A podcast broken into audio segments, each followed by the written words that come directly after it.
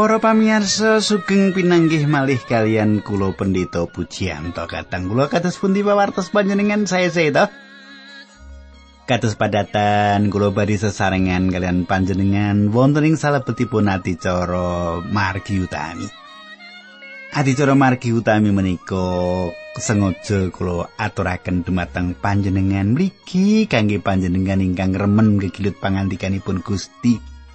Remen kawruh kasukmanipun tambah-tambah awis saking menika panjenengan katosaken lan kula miwiti saking kitab-kitab. Makaten nggih samenika setunggal Samuel pasal buku pasal makaten ing pangangkah panjenengan katambah ana kawruh karohanen panjenengan.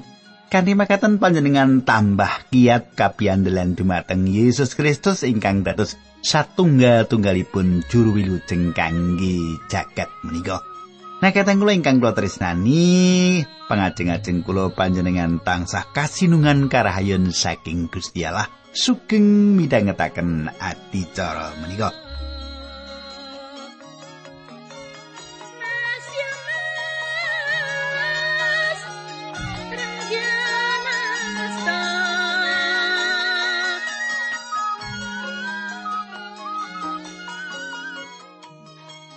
Para pamirsa ingkang kula tresnani ing pepanggihan kepengker, panjenengan tasih kemutan apa mboten? Napa ingkang kula aturaken? iki. Hai, kalau kalau lali bareng Pak nggih. Nah, kata kula kula wangsul seketik. Ing pepanggihan kepengker kita sampun nyemak kados pundi Saul bingung. Nggih. Bingung pun perang kalian tiang Filistin ngantos pados dukun. Makaten nggih. Menika kita nyemak wonten ing setunggal Samuel. Kalau ini nggih menika kita badhe lajengaken nanging saderengipun kula lajengaken kula badhe ngaturaken salam rumiyin dumateng Ibu Prihatin Dumati nggih. Aduh Ibu Prihatin panjenengan tindak dateng batu mboten mampir gitu lajeng kundur kemawon karepe arep dangu Pak Til pantil pun kalian samuan kapringga rawuh. Iki. Wong nek digunakake karo Gusti Allah iki ora ana lerene nang nggih menika Bu Priyatin nggih Pak Jumati peladusan menika ketah kados mekaten menika. Ketok era tau leren ning nyenengake. Ra makaten ta Pak? Amin. Nggih. Katang kula monggo kita tumungkul kita ndedonga sarengan Duh Kanjeng Rama ingkang ada dampar wonten kraton ing kasuwargan kawula ngaturaken gunging panuwun menawi wekdal menika kawula saged tetunggilan kalian sedherek-sedherek kawula. Kawula nyuwun Gusti berkahi, Gusti mitulungi kawula lan nuntuni kawula kanthi makaten pepanggihan menika saged andhatangaken berkah. Dinambaran asmanipun Gusti kawula Yesus Kristus kawula netunggal haleluya. Amin.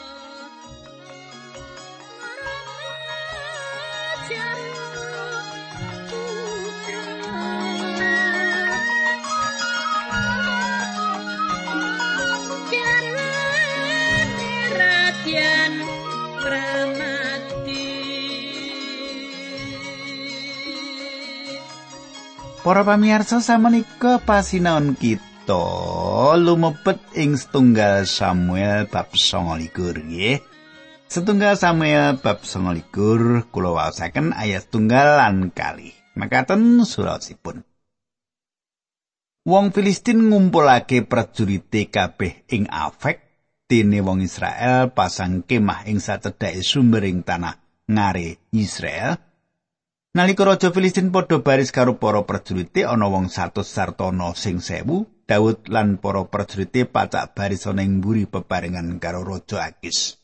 Para pamirsa, ing wekdal dumados peperangan, Daud lan para pandheripun baris kalian tiang Filistin. Sedaya raja Filistin tepang kalian Daud lan ing wekdal para raja menika ningali piyambakipun nderek baris kalian prajurit Filistin. Para raja menika mboten remen kalian piyambakipun. Ora seneng. Kulo yakin menawi panjenengan ningali tiang ingkang rumiinipun dados mangsa panjenengan.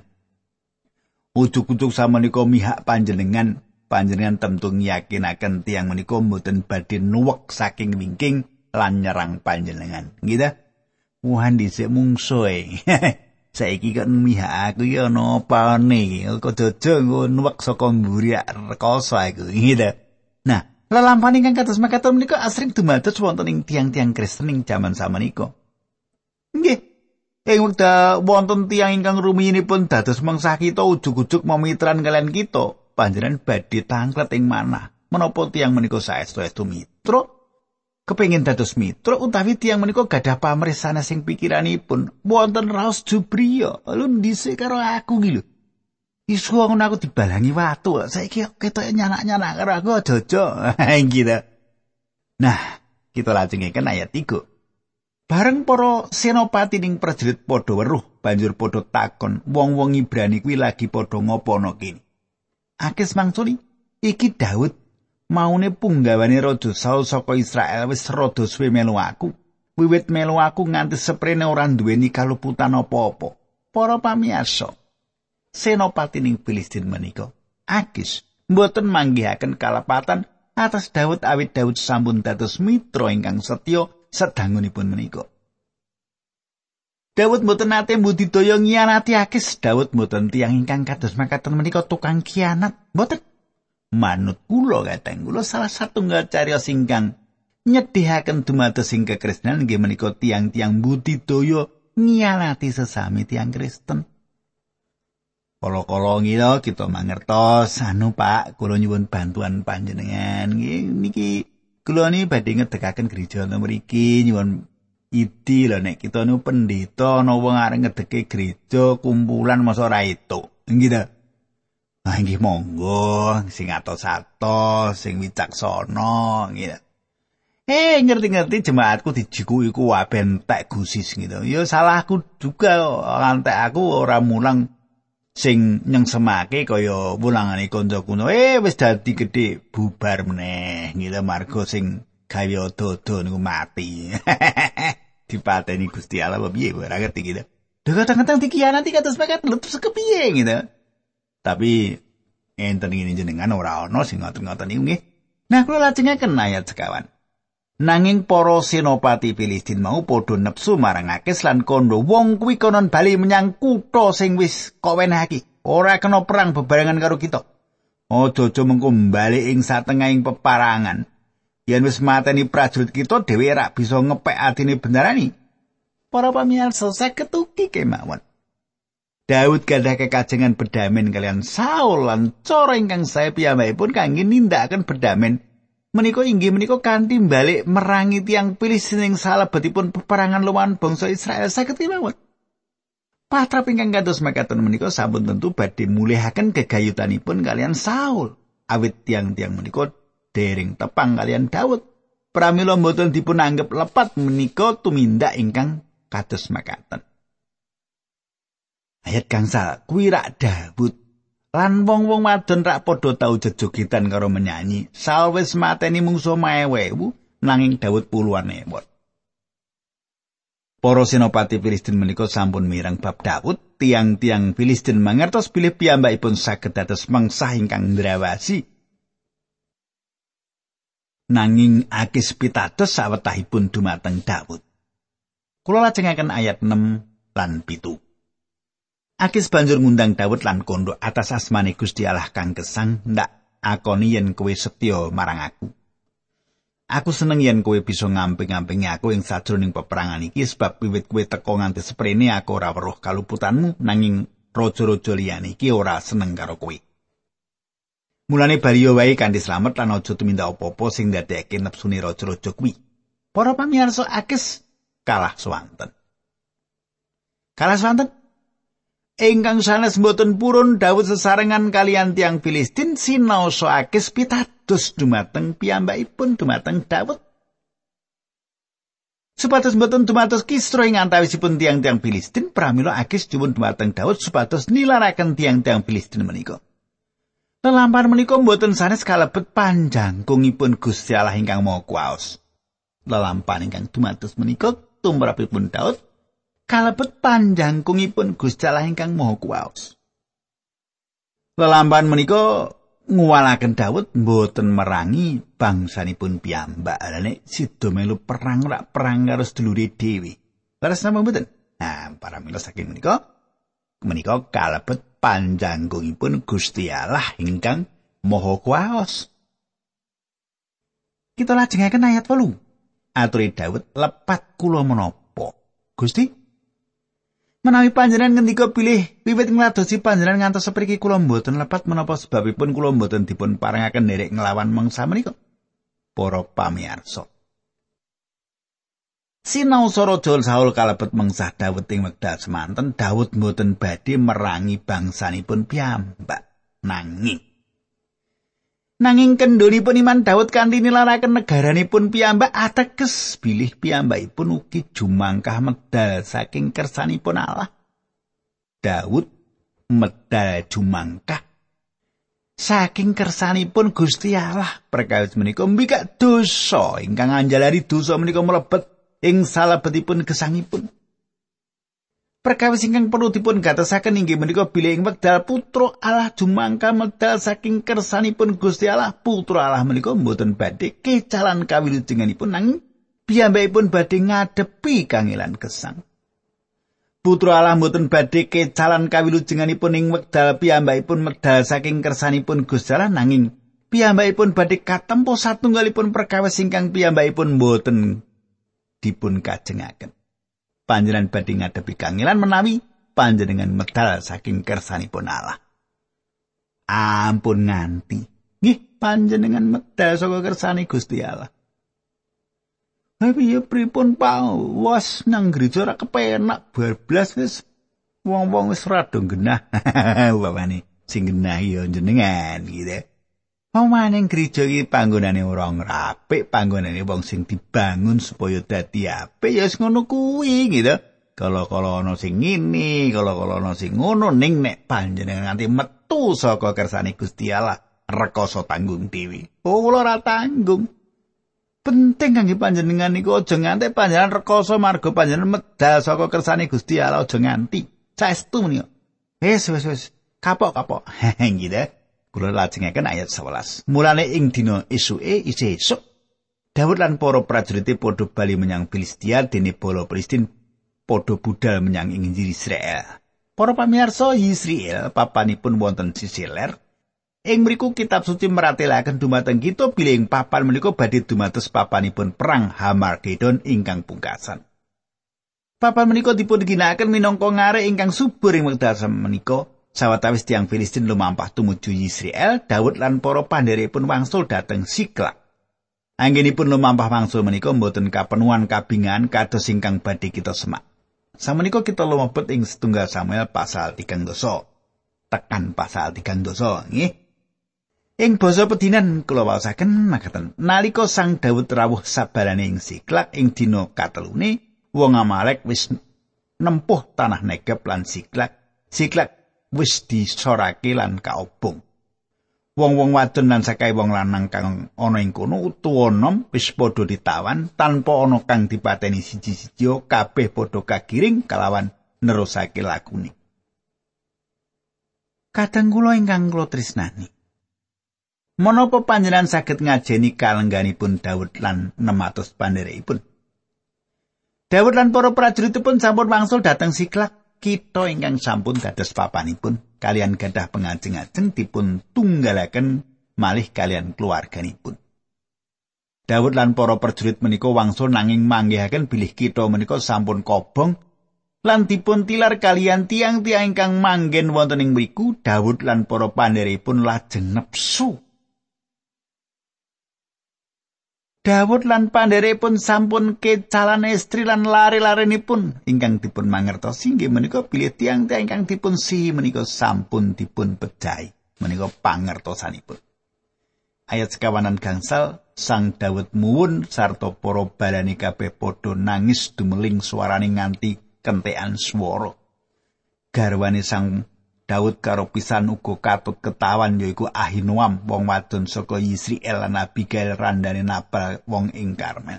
Para pamirsa, Lelaman menika dados jalaran Daud kedodok manahipun lan ngrasaken sisah ingkang boten kantenan. Ing antawisipun ingkang ical inggih menika semahipun Abigail. Panjenengan tasih kemutan bilih Abigail saderengipun nate ningkah kalian tiang jalar ingkang sugih naminipun Nabal tegesipun budu. Sasampunipun kakungipun tilar donya, Daud mendhet Abigail dados semahipun. Abigail satunggalipun wanita ingkang kalebet gadah daya pengaruh ingkang sae ing salebeting gesangipun Daud. Lan Abigail satunggal-tunggalipun wanita ingkang datengaken berkah dumateng piyambakipun. Ayat 6 Perjulit Daud padha susah banget sebab padha kelangan anak bojone, mulane wong-wong mau padha benturi Daud nganggo watu Dawet ya susah banget nanging atine diteguhake dening Allah. Para pamirsa. Dawet saestu kapenet manahipun. Mboten namung awit piyambakipun sampun kecalan tiang-tiang ingkang dipun sihi nanging awit para pandheripun badhe benturi sela Daud.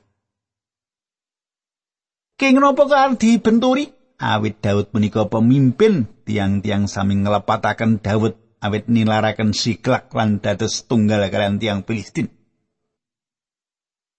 Daud damel kalepatan ingkang ndrawasi kalepatan ingkang saestu ageng kathah-kathah tiang gadah pikiran. Bilih Daud menika ingkang sampun mejahi Goliat. Tiang-tiang king mangertos telampan peteng ingkang dipun tindakaken Daud dosa ageng ingkang dipun tindakaken kalian Berseba. Menapa ingkang tiang-tiang boten dipun sadari nggih menika bilih Daud menika manungsa limrah kados dene kita. Piyambakipun kathah nindakaken kalepatan kados dene kita. Piyambakipun nindakaken kalepatan ing wekdal piyambakipun nilaraken Israel lan gesang ing papanipun tiang Filistin. Samenika kateng kula. Para pandheripun badhe mbenturi sila awit sedaya rakyat menika sisah manahipun saben tiang sisah awit larinipun jaler lan setri. Panjenengan katasaken bilih tiang-tiang ketingalipun boten sisah awet semaipun menapa mangertos keng menapa? Tiang-tiang kala wau gadah pikiran semaipun sampun dipun pecai. Nanging lari-larinipun tasih gesang kados pocapan tiang ing daerah mriku kahanan Daud kajepit. Daud ugi kecalan tiang ingkang dipun tresnani. Para pandheripun wonten ing kahanan manah ingkang keronto-ronto paiting manah sampun kecalan tiang-tiang ingkang dipun silan badhe benturi sila. nanging Daud ngiyataken kapitadosanipun dumateng Gusti Allahipun. Menika satunggalipun pratela ingkang sae piyambak ingkang nate dipun sanjangaken. Katang kula wonten wekdalipun ing gesang kita nglampahi kahanan boten murokaken bingah utawi bejo. Wonten wekdalipun kita wonten ing kahanan ingkang peteng kados dene Daud, kita ningali bilih kahanan ketingalipun tanpa pengajeng-ajeng. menapa ingkang badhe kita tindakaken cuwa ing manah nglokro ing gesang kita sampun saya menawi kita menika putra putranipun Allah kita badhe nyurung badan kita piyambak ing salebetipun Gusti. Kita badhe wangsul dumateng panjenenganipun ing wekdal kados makaten menika Kala-kala Gusti mapanaken kita ing satunggalipun kahanan kanthi makaten kita wangsul dumateng panjenenganipun. Panjenenganipun ngersakaken adamel sariranipun nyoto kangge kita malah ing wekdal kados makaten Daud nyerat saperangan saking masmuripun ingkang misuwur ing wekdal kangiran nempuh panjenengan saged maos masmur lan manggihaken ing wekdal Daud pados panglipuran lan kegiatan ing salebetipun Gusti maka ping-kaping piyambakipun sanjang panjenengan iku sae mengkono pangucape para wong kang padha katebus dening Yehuwa Mazmur 107 ayat kali Daud manggihaken perkawis menika leres. Kula lajengaken ayat pitu, Daud kondo karo Imam Abiatar anaknya Ahimelek epot kuwi gawanen mrene. Abiatar banjur menehake efot marang Daud. Kadang kula efot satunggalipun perangan saking jubah imam ingkang ndedonga. Jubah menika ngrangkepi jubah ingkang dipun nanggit dening imam Efot misahaken Imam Agung kalian ingkang sanes menika satunggalipun efot ingkang dipunangge ing wekdal piyambakipun lebet ing salebetipun misbah mas kangge detungu. Efot kapasang kalih selo, selo menika dipasang wonten ing pundak lan selo menika dipunukir nami karyawelas suku Israel, nem ing pundak setunggal lan ingkang nem sanesipun wonten pundak sanesipun. Menika satunggalipun gambaran Sang Kristus Imam Agung kita ingkang manggul kita wonten ing pundakipun. Panjenengan imut kegayutan kalian carios cempe ingkang ical menapa ingkang dipun tindakaken pangen piyambakipun manggul cempe menika ing pundhaipun lan beto wangsul. Kula mboten tepang sinten to panjenengan menika nanging kula mangertos bilih Gusti temawis rawuh, siap rawuh lan manggihi panjenengan. Mapanaken panjenengan lan ing pundhaipun lan mangsulaken panjenengan ing salebetipun kandang. Ibrani pitu ayat selangkung. Makaten surasipun. Saiki lan kapan wae panjenengani saged mitulungi slamet saben wong kang suwani ngarsani Allah lumantar panjenengani jalaran panjenengani gesanging salawase perlu nglantarake wong-wong mau marang Gusti Allah. Sameniko setunggal Samuel tigang dosa ayat wolu makaten. Daud matur marang Gusti Allah, menapa kawula kedah ngoyak gerombolan rampok ingkang nyerang menika? Menapa tiang-tiang menika saged ketututan lampahipun? Pangandikan Gusti Allah, yo tututono kowe bakal bisa nututi lan ngluwari para tawanan. Kanthi efot jubah kangge ndedonga. Daud langsung nyuwun pitedhaipun Gusti Allah. Piyambakipun rembagan kalian Imam Agung kagunganipun. Panjenenganipun ingkang dados pangenipun Daud nyuwun dumateng Gusti lan Gusti dawuh supados ngoyak mangsaipun.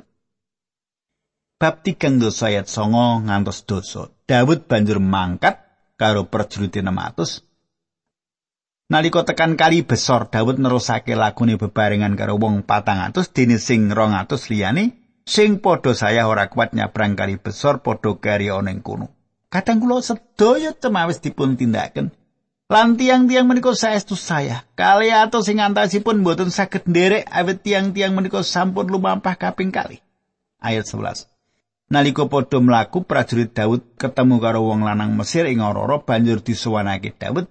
Jebul wis telung dina wong mau ora mangan lan ngombe banjur diweni mangan lan ngombe. Para pamirsa, Ing salebetipun moyak mengsah, mburu mengsah tiang-tiang menika manggihaken tiang Mesir ing ora Tiang menika sakit lan sanjang dumateng Daud bilih piyambakipun menika abdi saking salah satunggal pemimpin tiang Amalek. Ing medal piyambakipun sakit, piyambakipun dipun tilar supados pecah. Daud nyepeng tiang menika nanging piyambakipun kedah ngoyak mengsah. Piyambakipun kepengin mangertos wonten pundi mengsahipun menika. Piyambakipun kepengin mangertos wonten pundi mengsahipun menika. Tiang Mesir menika badhe nyukani mangertos dumateng Daud menapa ingkang badhe dipun mangertosi asal Daud mboten mangsulaken dumateng majikanipun. Tiang Mesir menika sanjang menapa ingkang dumados ing wedal siklak dipun sirnaken salajengipun piyambakipun mimpin dumateng tiang Amalek. Daud nindakaken serangan dadak dumateng tiang Amalek sawetawis tiang-tiang Amalek nembe pesta lan abingah-bingah ngerayakaken kamimpangipun lan jaran ingkang dipun rampas. Bab 3 ayat 16 ngantos 17 tunggal sami. Dheweke banjur nuduhake dalan sing menyang panggonane gerombolan rampok mau. Ing wektu kuwi gerombolan rampok mau padha sumebar karo padha mangan ngombe sarta pesta gedhen mergo saka akeh barang rampasan sing padha digawa saka negara Filistia lan Yuda. Esuwe isih repet-repet gerombolan mau diserang dening Daud enggone padha perang nganti tekan bengi siji wae ora ana mungsuh sing bisa lolos kejaba para muda patang atus sing keplayu nunggang unta. Para pamirsa, namung kawan atus pemuda ingkang nitih unta kasing lolosaken saking Daud lan para pandheripun. Ing wedal peperangan rampung, Daud bangsul dateng Siklak sesarengan kalian para semah lan lare-lare lan sedaya raja kaya ingkang sampun dipun rebat malih. Wonten benten pamanggih ing tengah-tengahipun para pandherepun Daud kekaitan kelan menapa tiang-tiang ingkang boten nderek perang pikantuk hasil jarahanipun Daud nyukani satunggalipun pedoman ing mriki ingkang meratelaken keadilanipun ingkang adamel piyambakipun sae minangka tiang ingkang dipun agem Allah. Kali atus tiang ingkang boten nderek ngoyalan perang pikantuk hasil ingkang sami lelampar menika nedahaken adilipun Daud. Amin. Katenggula kelajenganipun kados pundi? Kita badhe nyemak ayat-ayat salajengipun ing kitab Samuel menika. Nanging tentu kemawon wonten ing pepanggihan ingkang badhe dumugi menika. Nggih jolali nggih. Panggen ingkang badhe dumugi kula badhe sesarengan kalian panjenengan.